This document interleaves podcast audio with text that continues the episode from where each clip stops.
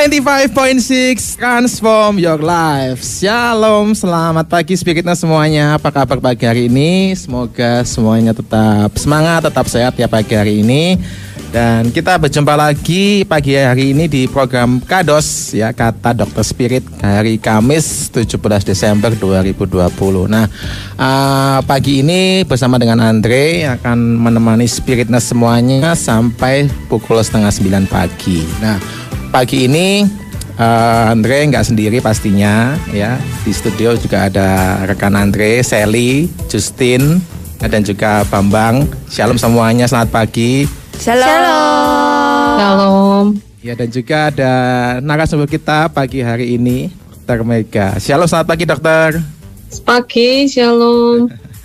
Oke, nah pagi hari ini kita akan membahas tentang kesehatan ya, karena memang program Kados ini kita akan fokus untuk membahas tentang kesehatan. Nah, Betul. nanti juga Spiritness bisa bergabung, bertanya ya dan Sally akan mengingatkan spiritnya semuanya di mana untuk bergabung pagi hari ini. Ya, buat spiritnya semuanya yang mau bertanya tentang topik kita hari ini bisa WA kita ya di 0822 1000 dan jangan lupa format wajibnya nama spasi umur spasi L atau P juga pertanyaannya. Juga Spirit Nurse bisa lihat kita ya secara langsung ya Andre di Betul. YouTube Spirit 95.6 juga di situ bisa tanya-tanya nih di live chatnya bisa langsung ketik aja juga jangan lupa nih formatnya ya juga bisa DM kita di Instagram Spirit 95.6.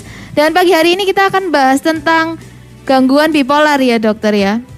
Ya.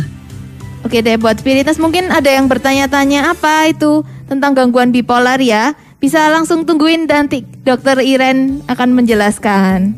Oke deh Spirit Nurse sambil memulai acara kita pagi ini kita akan dengarkan satu pujian jadi tetap di Spirit 95.6.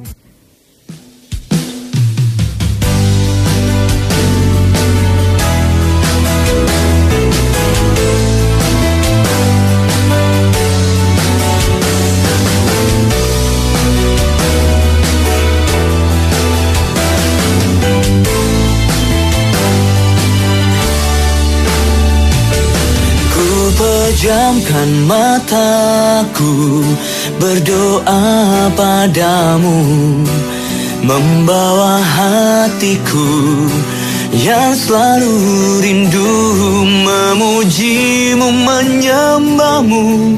Oh Yesus Tuhanku Ku datang serahkan hidupku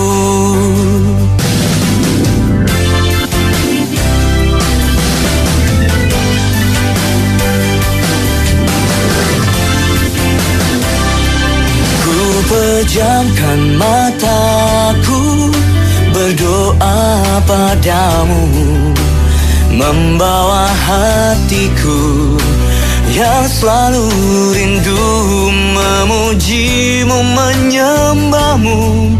Oh Yesus Tuhanku Ku datang serahkan hidupku.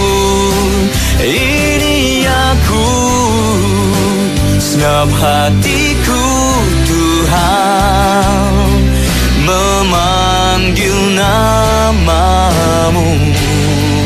Nama yang kudus Agung dan mulia.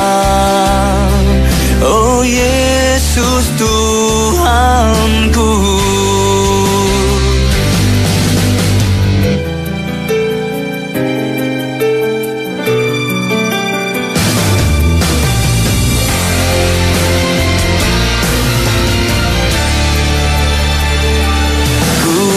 Pejamkan mataku Berdoa padamu Membawa hatiku Yang selalu rindu Memujimu, menyembahmu. Oh Yesus Tuhanku Ku datang serahkan hidupku. Ini aku segenap hidupku Tuhan Ku serahkan padamu. Jadikanku bejana yang sempurna untuk kemuliaanmu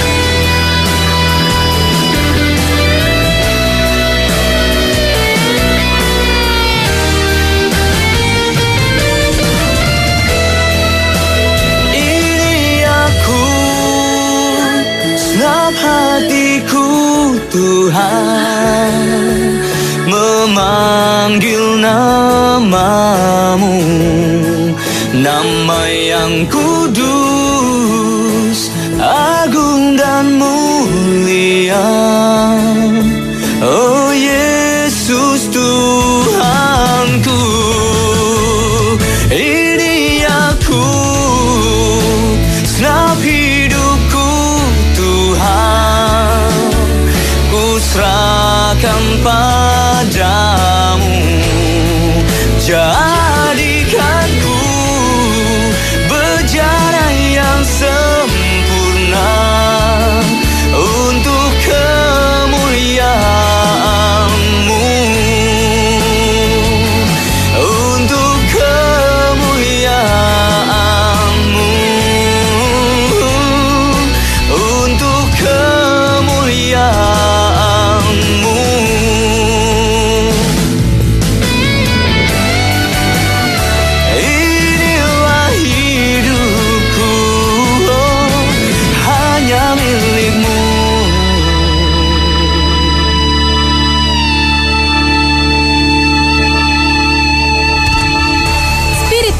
kembali lagi di program Kados bersama Dr. Mega Nilamsari.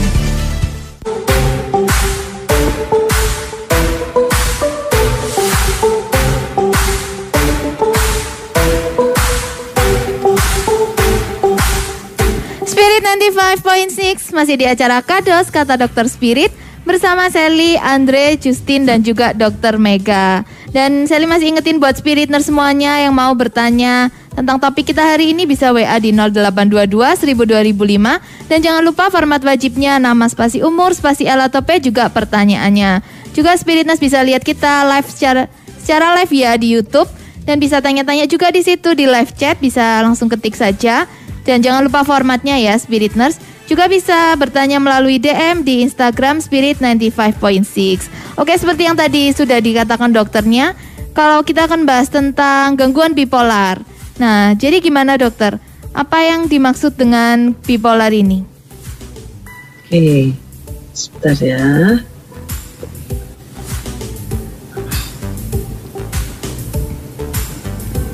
Jadi bipolar adalah nih sebentar saya screen. Iya. Bipolar itu merupakan salah satu dari antara beberapa gangguan mental yang serius yang dapat menyerang siapa saja dan sering dikaitkan dengan ciri naik turunnya mood, aktivitas dan energi. Dan sesuai namanya, B itu dua polar kutub, itu menunjukkan bahwa ada dua mood atau suasana perasaan yang naik yang biasa kita sebut mania atau manik dan turun yaitu depresi.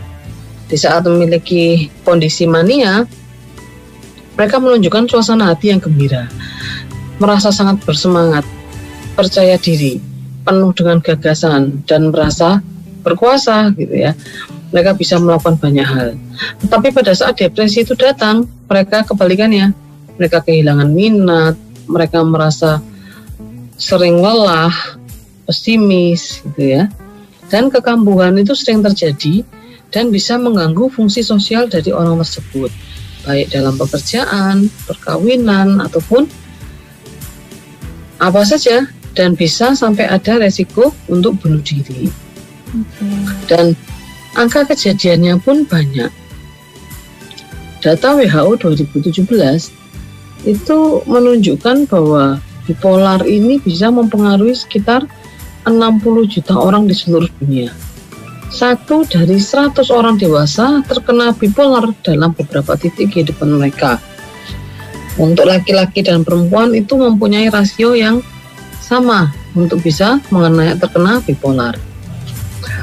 Rentang usianya bisa mulai dari 15 tahun biasanya ya, Iya. 15 sampai 19 tahun dan jarang ada di atas 40 tahun. Oke. Ada beberapa bagian nanti ya untuk bipolarnya. Ada bipolar 1. Kalau bipolar 1 itu datanya lebih eh, sama antara laki-laki dan perempuan. Kalau yang tipe 2 lebih banyak perempuannya.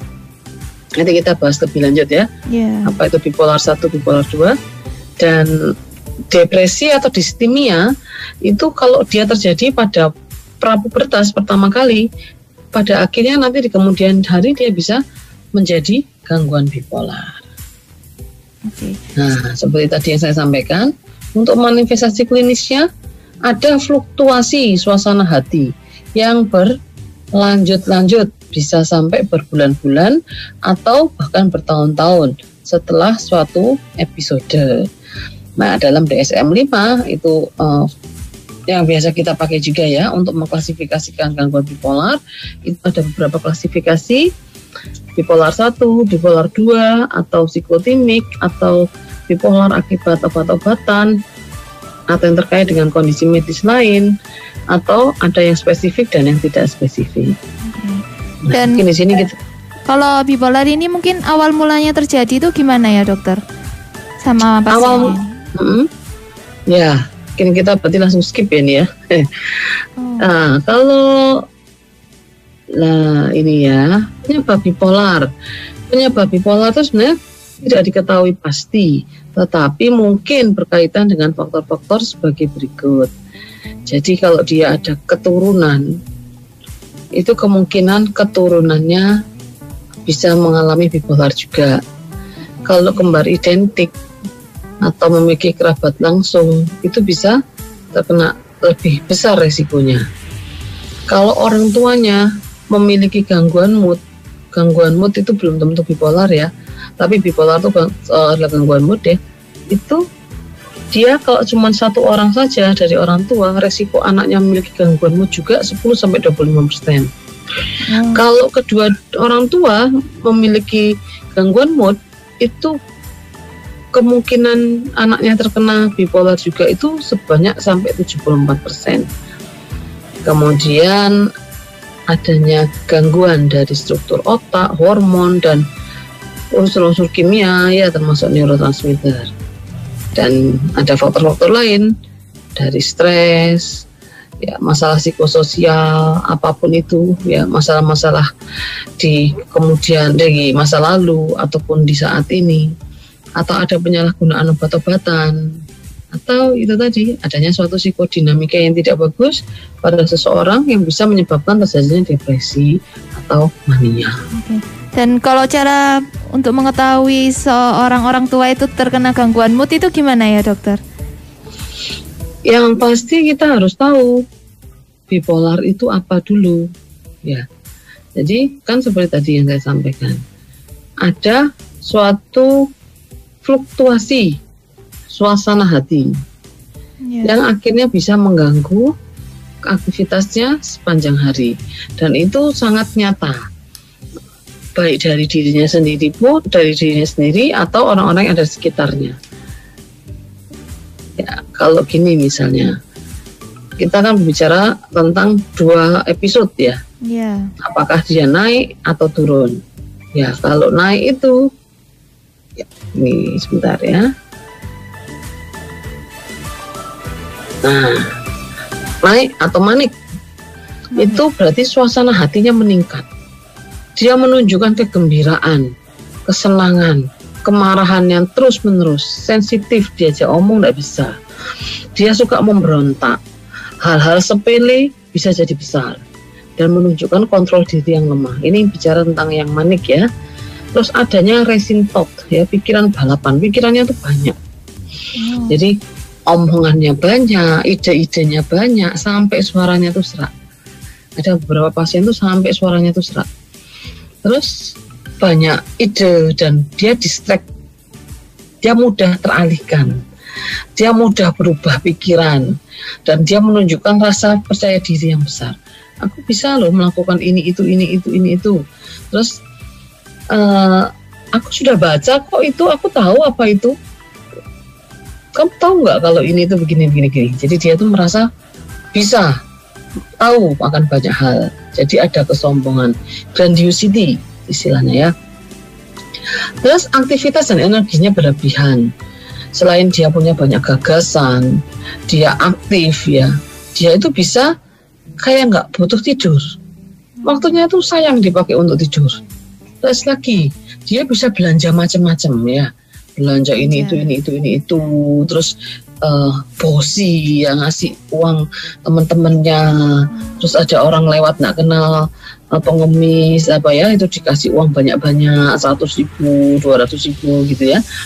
Terus kalau perempuan juga dia bisa dandan berlebihan dia makeup berlebihan pakai kutek itu bisa warna-warni gitu ya. Terus pakai mungkin apa eh, bulu mata itu bisa tumpuk empat atau lima gitu ya. Terus iya. kayak eh, penampilan setiap hari seperti kayak mau tampil di atas panggung. Ya. Berarti ini yang bisa melihat Mm-mm. itu orang lain ya dokter. orang lain satu dan bisa juga dari dirinya sendiri. Kalau dia sudah tahu wah ini kayaknya aku nggak beres nih. Kayaknya aku sensitif banget. Kayaknya emosiku meledak-ledak. Oh. ya kalau kalau jadi tarafnya itu sangat kita harapkan kalau orang itu merasa sudah mempunyai insight yang bagus itu akan lebih mudah kita nanti melakukan intervensi. Iya. dan kalau dia tidak sadar ya berarti kita butuh bantuan orang di sekitarnya untuk mengingatkan wah ini kayak kamu nggak bener deh. Jam 2 jam 3 itu belum tidur masih ngerjain sesuatu. Tuh ya. Terus hasrat seksualnya kuat gitu ya Oke dok, Andre mau tanya nih dok.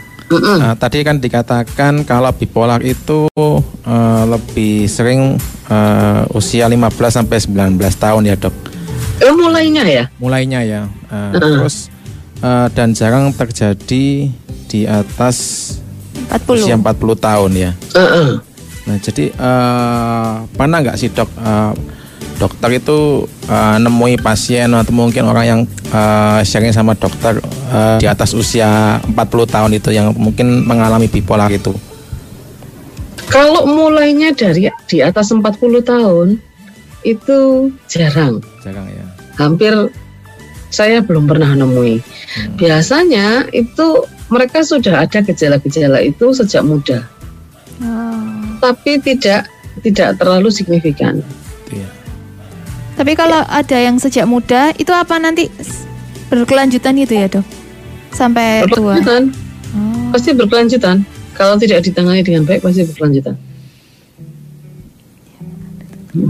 Oke, eh, tadi kita sudah eh, membahas sedikit tentang apa itu bipolar ya dan tadi kita sudah membahas tentang epidemiologinya ya. Epidemiologi. Nanti kita akan sambung lagi ya untuk pembahasan kita tentang masih tentang bipolar ya dan juga buat spiritness yang mau bertanya tentang apa itu bipolar lebih lagi juga bisa kirimkan pertanyaannya di WA kita di 0822 1000 2005 dengan format nama, spasi umur, spasi kode L atau P, pertanyaannya dan juga Spiritness bisa bergabung di YouTube kita di live chatnya dan juga di via DM ya. Dan kita akan kembali setelah pujian, stay tune terus di Spirit 95.6.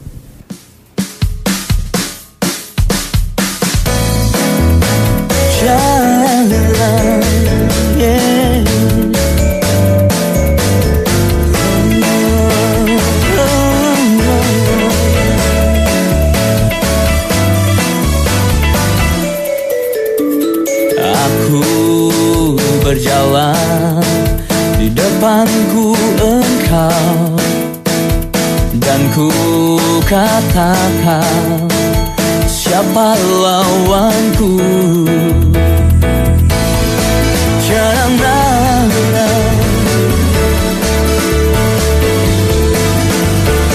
Aku berlari mengejar mimpiku nyatakan kuasamu yang dahsyat. Yesus perkasa kaulah sang pembelaku tiada yang dapat menandingimu Oh, Yesus berkuasa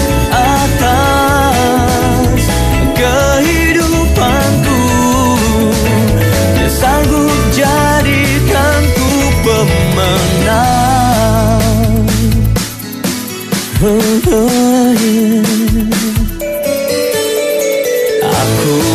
berlari mengejar mimpiku dan kau nyatakan kuasamu yang dahsyat. Yesus perkasa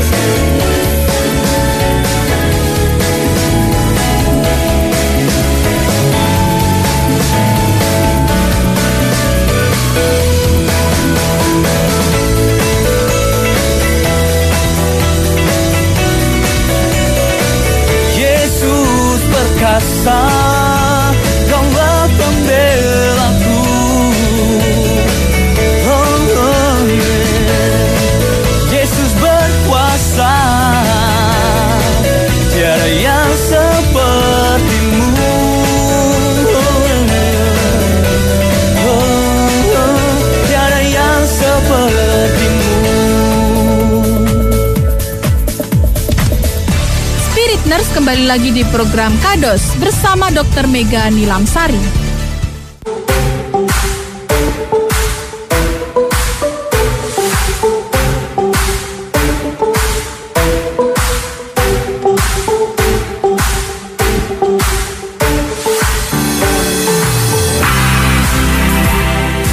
Spirit 95.6 masih di acara Kata Dokter Spirit bersama Sally, Justin, Andre dan juga Dokter Mega.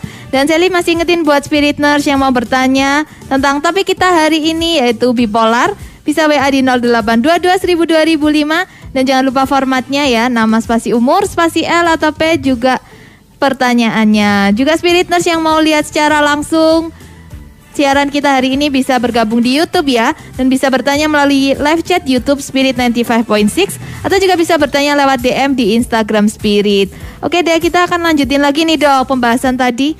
Kalau tadi dibahas tentang yang manik ya dok. Ya, Oke dan itu kalau yang manik itu apakah bisa langsung berganti jadi depresi itu karena sesuatu apa dok? ya kalau emang itu kan itu bagian dari penyakitnya. Ya. Jadi memang kalau yang namanya bipolar itu kan ada dua episode minimal ya dua episode ya dua episode ini tidak bisa jalan. Berarti kalau bipolar itu ada ceritanya, ada filmnya Iya, dua. ada dua episode. Ada manik dan depresif ya. Saya bacanya tuh bukan manik ya tadi dok, saya tuh bacanya tuh maniak gitu kan. Jadi saya dengar Sally tadi ngomong tentang manik. itu saya pikir ah manik ya. Oh saya bacanya maniak. Beda ya. Beda. Makanya saya juga sedikit shock dok ya antara maniak sama manik itu ya beda ternyata. Ya, mungkin ini ya bisa menjelaskan ya. Jadi ada siklus gangguan mood bipolar. Ini kita lihat di sini. Kita lihat grafik ini ya. Ini suatu eh, episode mood yang normal. Sini ya, tengah sini. Nah, kalau naik namanya mania atau manik. Kalau turun, eh sorry. Kalau turun namanya depresi. Oke. Nah, kalau yang campuran itu ada episode naik, ada episode turun. Naik, turun, naik, turun. Ini kalau campuran. Kalau bipolar tipe 1, dia lebih banyak episode maniknya. Lebih banyak episode maniknya, tapi ada minimal satu kali episode depresi. Hmm. Terus dia manik lagi. Lebih banyak maniknya. Kalau yang bipolar tipe 1. Tipe satu. Kalau yang tipe 2 kebalikannya. Depresi dia terus lebih ya? lebih banyak iya dia lebih banyak depresinya dan dia ada maniknya tapi dia tidak sampai yang tinggi. Tinggi. dia hanya separuhnya kita biasa sebut hipomanik Hmm. gitu ya terus ada lagi sebenarnya psikotimik ya psikotimik itu di daerah sini Oh di bawah terus berarti dok.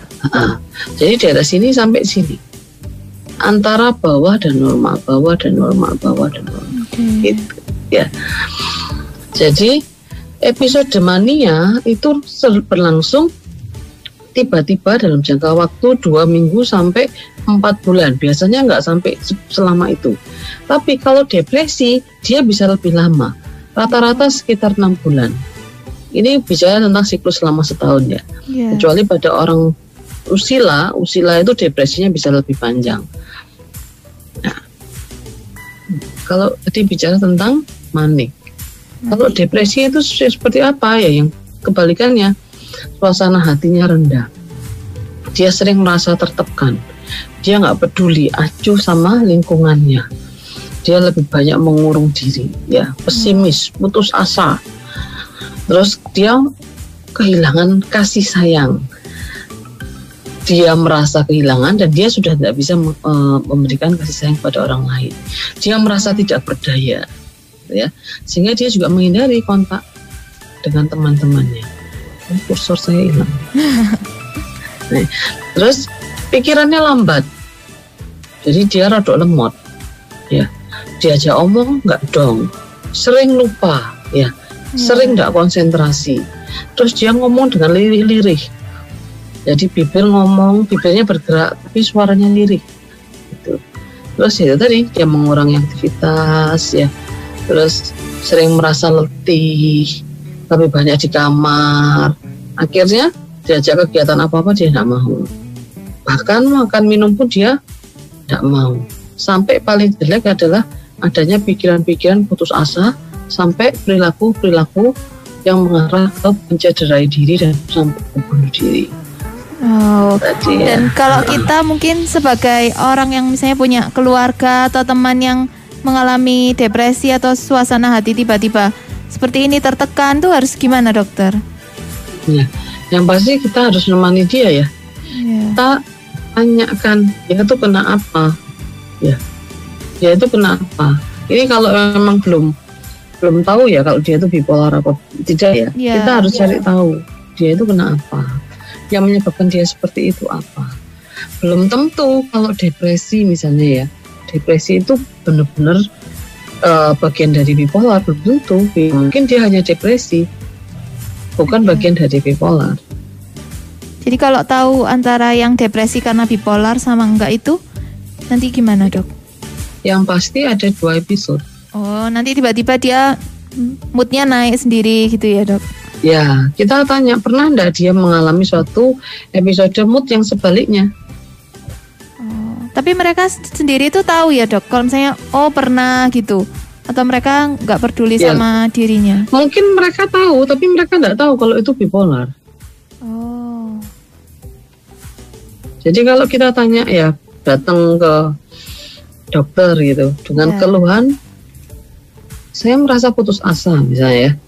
Saya nggak kepingin ngapa-ngapain, bahkan beberapa kali, bahkan beberapa kali ada perilaku mencederai diri misalnya ya. ya. karena saya merasa sudah tidak ada orang yang peduli sama saya misalnya gitu hmm dia ada nggak mau keluar dia malas makan dia dalam tempo mungkin dua bulan ini berat badannya bisa turun sampai 5-6 kilo gitu ya kondisi depresi yang utama nah, kita jangan terus cuman oh ya depresi gitu ya Nah, ini depresi ini Nah, kita harus tanya lebih lanjut pernah enggak kamu di satu waktu kamu mengalami kondisi yang sebaliknya. Kamu sangat bersemangat, kamu banyak ide, ya kamu kepingin melakukan banyak hal, sensitif sama orang, kepinginnya itu me- eh, meluruskan segala sesuatu. Kamu ini salah, kamu ini gini, aku pengen lah. Atau mungkin pernah enggak kamu ke- eh, ada hasrat pengen belanja ini itu ini itu dan sebagainya, yang menu- eh, yang mengarah ke suatu gejala manik. Manik. Pernah enggak? Kalau enggak pernah, ya mungkin itu murni depresi. Ya. Tapi kalau pernah, wah ini bipolar nih. Gitu. Oke. Nanti Berarti tandanya Hmm. harus mengalami dua episode tadi ya dokter ya. Iya harus, namanya aja bipolar. Iya, iya. Dan ada tadi di di grafik saya kan ada episode sembuh loh. Iya waktu normalnya itu ya dok ya. Ada episode normalnya. Oh. Tapi itu cirinya. tapi yang bikin mungkin yang buat bingung itu kadang normal, mungkin dianggapnya sudah sembuh ya dok. Tapi dia tiba-tiba bisa ku, apa Bisa. kambuh lagi gitu ya. Heeh, heeh, iya Dan itu bisa. dengan sendirinya. Ya itu yang makanya perlu edukasi. Ya. kalau pada saat dia posisinya di uh, episode normal Ya. itu berarti butuh pens- apa menstabilkan ya tetap kita harus jaga tapi suatu saat pasti bisa naik lagi bisa turun lagi jadi dia harus tahu yang dialami itu apa dan dia harus tahu bagaimana Oke. uh, mengetahui gejala-gejala awal kambuh Oh ya. Dan tadi itu antara normal sama manik itu ada hipomanik itu ya dok betul ya. Mm-mm, Nah mm-mm. kalau di fase itu seperti apa dok? jadi mirip ke manik tapi nggak sampai manik Wah itu agak bingung itu dok. Mirip ke manik tapi Enggak, nggak. jadi- Iya. Jadi mulai ada elasi gitu ya, mulai ada peningkatan semangat Iya. ini. Ada ya, ada tadi screen screennya. Ya. Nah, spiritus yang mau lihat share screen ini bisa bergabung lewat YouTube ya. Bisa lihat penjelasannya langsung nih dari dokternya. Kok nggak mau dia? Kok nggak mau jalan Ya, lagi? coba lagi dok. Ah ini dia. Yang ya. Ah Dok. ini ya. Jadi memang yang pasti ada peningkatan dari suasana hatinya. Ya. Dia sudah mulai mau mudah-mudah tersinggung gitu ya. Terus sudah Oh. mulai apa namanya? Ada peningkatan aktivitas ya. Dan yang pasti dia sudah mulai dilihat oleh orang lain. Tetapi tidak cukup parah sampai menimbulkan kerusakan yang nyata pada fungsi sosialnya. Sampai kalau cuma hipomanik dia nggak perlu rawat inap dan nggak sampai ada unsur psikotik ya. Ingat ya kapan hari mungkin saya pernah sharing tentang psikotik ya. Psikotik Ya. itu gangguan proses pikir yang berat. Gitu. Dan gejala-gejalanya yang pasti bukan karena dari obat-obatan atau mungkin karena kondisi medis umum ya contohnya hipertiroid ya apa Ya. eh, gondok itu loh ya seperti itu jadi hipomanik itu suatu suatu kondisi yang mengarah ke manik tetapi dia tidak separah manik gitu Oke. Dan itu yang membedakan dengan manik mungkin manik lebih berlebihan gitu ya dokter ya. ya ya Kalau heeh. manik Ya, ini tapi agak normal ya kayaknya atau Iya. Kalau iya, jadi normal. kalau kondisi hipomanik ini yang yang sebenarnya lebih bermanfaat gitu. Oh lebih bermanfaat. Kita kan perlu semangat ya. Iya. Nah, kalau ada beberapa beberapa orang ini gue hipomanik nih, bagus. Asal tidak sampai manik. ke arah manik gitu. Tapi memang ada ya dok orang-orang tertentu yang hanya hipomanik saja. Hipomanik saja ada, Oh. tapi bukan bagian dari bipolar maksudnya. Ya, Ada, memang tipe orangnya yang hipomanik gitu ya. Iya, jadi memang dia tipenya bersemangat, ya. Tetapi dia masih dalam eh, ranah-ranah yang normal ya, tidak sampai menimbulkan ya ini tadi gangguan nyata pada fungsi sosialnya. Oh. Saya kok merasa tersindir ya. Karena terlalu bersemangat mungkin ya. Benar ya. Termasuk tipe hipomanik mungkin ya. Tapi tenang, Justin bukan bipolar. Iya. Benar benar benar ya. Oke buat semua spiritus mungkin yang mau bergabung masih ada waktu di 0822 jangan lupa format wajibnya nama spasi umur spasi atau P setelah itu pertanyaannya apa dan kita mengundang semuanya spiritus bisa melihat kita secara live di YouTube, maupun di Instagram kita mengundang juga buat kalian semua bisa mengaplikasi Radio Box Radio Radio, Box. Box Box namanya. Radio Box ya supaya bisa mendengarkan kita secara live juga di live streaming kita di spiritoc.com juga. Oke, Spiritus kita akan balik lagi setelah satu pujian berikut ini tetap stay tune di Spirit 95.6.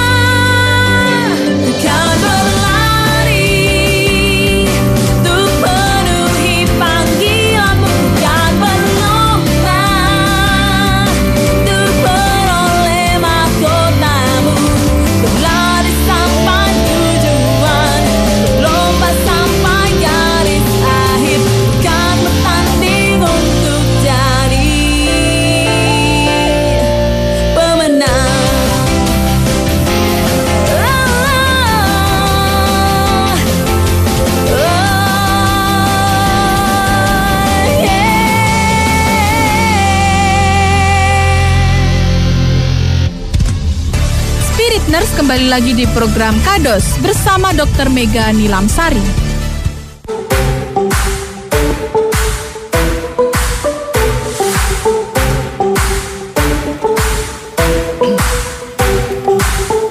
Spirit 95.6 masih di acara Kata Dokter Spirit bersama Sally, Justin, Andre dan juga Dokter Mega.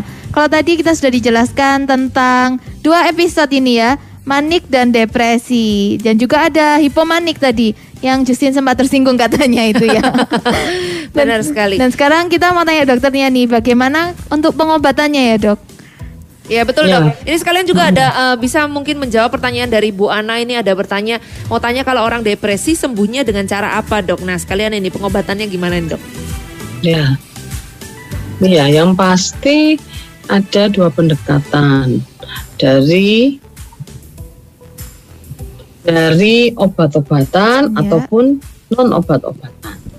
Kalau obat-obatan ya harus ke dokter ya, harus ke psikiater secara langsung. Kalau dari non obat-obatan, yang penting adalah support dari psiko, support dari lingkungan. Hmm. Ya. Kalau dari diri sendiri, dia harus tahu. Nah, dia harus tahu seperti tadi yang saya sampaikan. Dia harus tahu apa yang dia alami saat ini. Dan dia harus tahu bipolar itu apa sih? Gejalanya seperti apa? Hmm, betul. Ya. Terus dia harus tahu kapan mulai kambuh. Dan tetap hindari penyalahgunaan obat, minuman beralkohol, dan ikuti semua instruksi dokter tentang obat-obatan. Dan hati-hati jika mau pakai obat-obat yang lain. Apa pun itu. Jadi kita harus konsultasi dengan dokter interaksi obat yang mungkin ada. Terus bisa berpartisipasi dalam kelompok bipolar atau mungkin kelompok-kelompok lain yang bisa membantu meningkatkan semangat pasien, Ya. bangun hidup sehat. gitu. Ya, Berarti ini dari diri sendiri itu juga bisa ya dok?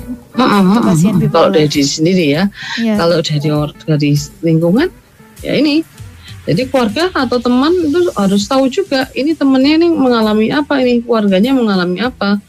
Jadi kalau mereka melihat sudah mulai ada perubahan pada uh, anggota keluarga atau teman mereka, mereka tahu bahwa oh, ini kayaknya lagi posisi manik nih. Wah ini kayaknya lagi depresi. Nah, mereka lebih banyak melakukan pendekatan-pendekatan untuk mengatasi rasa depresinya. Eh obatnya jangan jangan lupa ya. Ayo keluar kalau emang dia nggak mau keluar diajak. Karena depresi sama manik yang diatasi itu belum tentu ada pencetusnya. Hmm. Hmm, Ya paham ya. ya. Jadi dia bisa seperti galau nggak jelas gitu. Tiba-tiba muncul gitu ya. Ya. Jadi kan kalau memang dia murni murni mengalami masalah sesuatu gitu ya yang bisa menye- menyebabkan dia depresi itu ya masih oke lah kita berusaha mengatasi masalahnya. Tapi kadang nggak ada sesuatu masalah dia bisa tiba-tiba depresi. Dia bisa bisa mengalami tidak tidak kepingin ngapa-ngapain, dia bisa eh, rasanya putus asa atau mungkin sebaliknya dia tuh rasanya semangat banget padahal dia nggak habis terima duit ratusan juta misalnya ya tapi kok rasanya kok seneng banget ya kok pengen ya? gitu misalnya. Nah itu berarti memang bagian dari bipolarnya dia. Nah kalau orang-orang di sekitarnya tuh paham tentang itu mereka bisa lebih memaklumi pasien. Hmm, betul. Iya. jadi kan semakin pasien itu mendapat respon negatif dari lingkungan itu Semakin akan sulit, semakin buruk keadaannya semakin sulit untuk Oh. sembuh ya dok ya. Iya. Jadi orang-orang sekitarnya juga harus tahu itu dia itu ngap, sedang apa sama dia itu. Apa yang terjadi? Kalau tadi selain daripada terapi eh, dengan diri sendiri ya non obat, kalau dengan obat-obatan berarti dia harus ke dokter, berarti harus konsultasi gitu dok.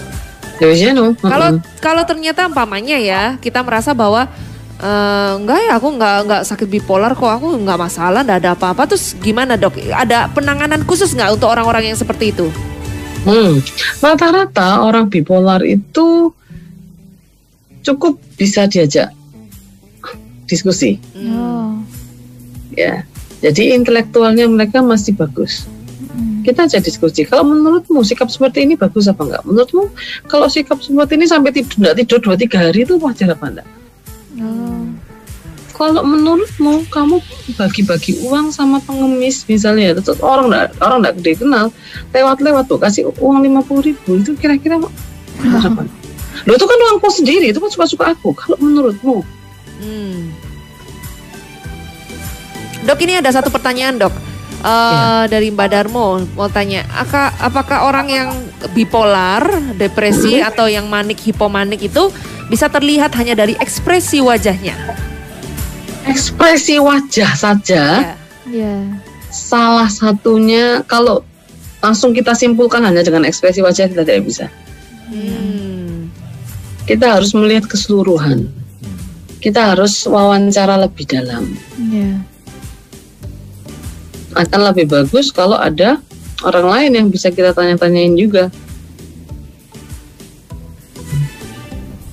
Oke. Gitu. Dan untuk kesimpulannya bagaimana dok? Karena waktunya tinggal sedikit. Mungkin ada kesimpulan tentang pembahasan kita hari ini tentang gangguan bipolar ini dok.